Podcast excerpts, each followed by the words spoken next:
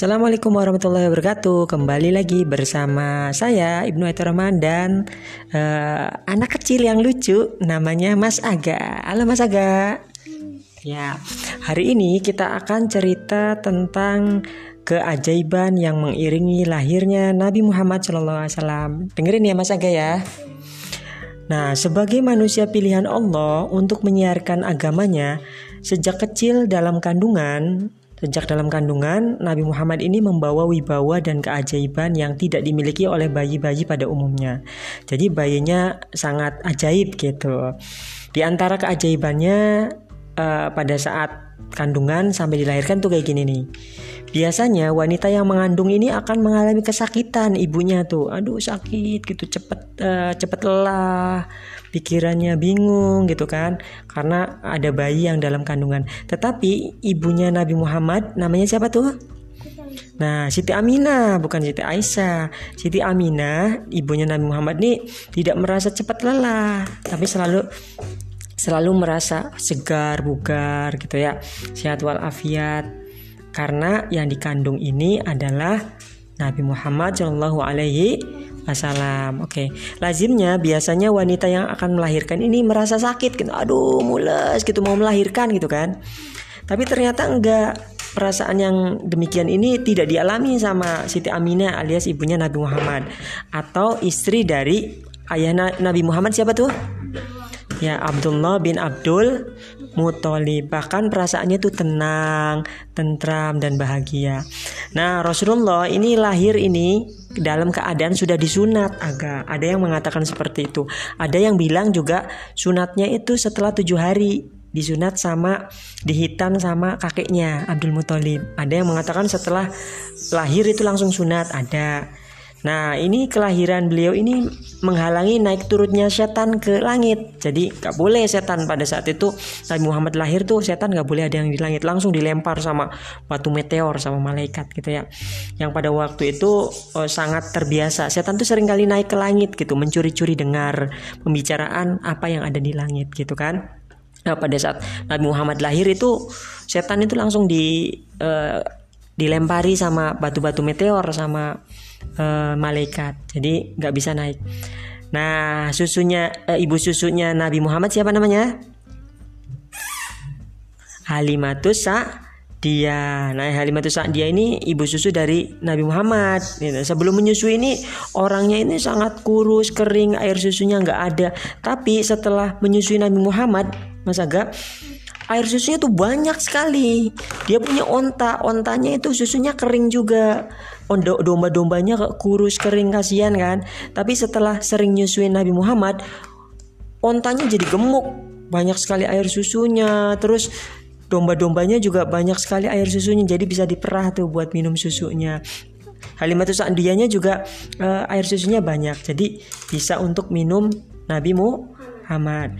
Namun begitu ia tetap mau menyusui Rasulullah, air susunya jadi berlimpah banyak kan.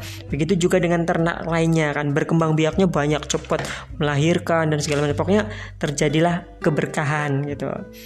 Nah, dalam kitab Zabur dan Taurat, kitab Zabur tuh kitabnya siapa yo? Kitabnya Nabi da Daud. Ya, itu kitab Zabur. Kalau kitab Taurat Nabi Nabi siapa? Nabi Mu Musa. Kalau kitab Injil kitab Injil Nabi Isa itu. Ya, Allah ini memberikan tanda-tanda tentang kelahiran Nabi Muhammad SAW dengan suatu pertanda gini. Ketika mata air yang telah kalian kenal kering airnya, tiba-tiba memancarkan air dengan derasnya, maka pada saat itulah waktu kelahiran Nabi besar Muhammad SAW. Itu yang terdapat dalam kitab Zabur dan Taurat. Ketika Nabi Muhammad lahir, tanda-tanda tersebut ternyata terbukti Mas Aga dan diketahui oleh kaum Yahudi yaitu Bani Israel kaum Yahudi itu. Ya uh, orangnya uh, apa namanya kaumnya Nabi Musa dan Nabi Isa. Ya Bani Israel. Namanya Israel, uh, Israel tuh. Bani Israel uh, itu kaum Yahudi. ya ya ini beda beda inian beda kepentingan. Namun mereka menyembunyikannya karena perasaan iri dan dengki yang merasuk hatinya. Jadi uh, kaum Yahudi menyembunyikan tentang tanda-tanda kelahiran Nabi. Nah Abdul Muthalib kakeknya Rasulullah ini pernah berkata ketika aku sedang berada dalam Ka'bah waktu itu Ka'bah ini berisi patung-patung. Patung-patungnya banyak sekali gitu kan?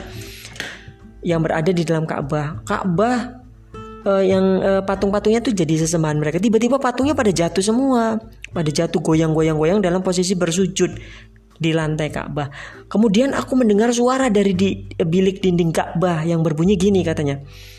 Nabi yang dipilih telah lahir yang akan menghancurkan orang-orang kafir dan membersihkan diriku dari beberapa patung berhala ini. Kemudian memerintahkan untuk menyembah kepada zat yang merajai seluruh alam ini. Jadi Kayaknya sih Ka'bahnya ngomong, bicara gitu ya, biar biar tidak diisi sama patung-patung sesembahan. Jadi ini adalah tanda-tanda dari kelahiran Nabi Muhammad. Keajaiban yang lain yang terjadi tuh tumbuh-tumbuhan menjelang kelahiran Nabi Muhammad itu hijau. Biasanya kan kering tuh.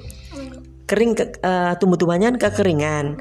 Apalagi di Arab Saudi kan padang tandus. Tapi pada saat menjelang Nabi Muhammad lahir itu tumbuh-tumbuhannya pada hijau kayak di Indonesia sini kan. Tumbuh-tumbuhan yang kering pada uh, tumbuh dengan baik. Buah-buahannya cepat masak, terus melengkung batang pohon kayu ke tanah seolah-olah sujud. Dan itu memudahkan pemiliknya untuk ngambil buah-buahan. Kemudian setiap binatang melata peliharaan orang-orang kafir Quraisy itu seneng gitu loh, nggak ada yang cemberut kah? Mau cemberut gimana ya? Kalau kambing cemberut susah ya. Cuma istilahnya senang gitu. Ah jingkrak jingkrak gitu kan.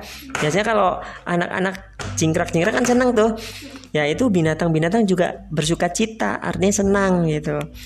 Nah, ke semua keajaiban itu terjadi mengiringi lahirnya Rasulullah Shallallahu Alaihi Wasallam sebagai mukjizat yang beliau miliki menjelang kelahirannya, yaitu orang yang termulia di dunia dan dan di akhirat. Itu Mas Aga cerita tentang keajaiban yang mengiringi lahirnya Nabi Muhammad Shallallahu Alaihi Wasallam. Sampai sini dulu ya, sampai jumpa. Wassalamualaikum warahmatullahi wabarakatuh.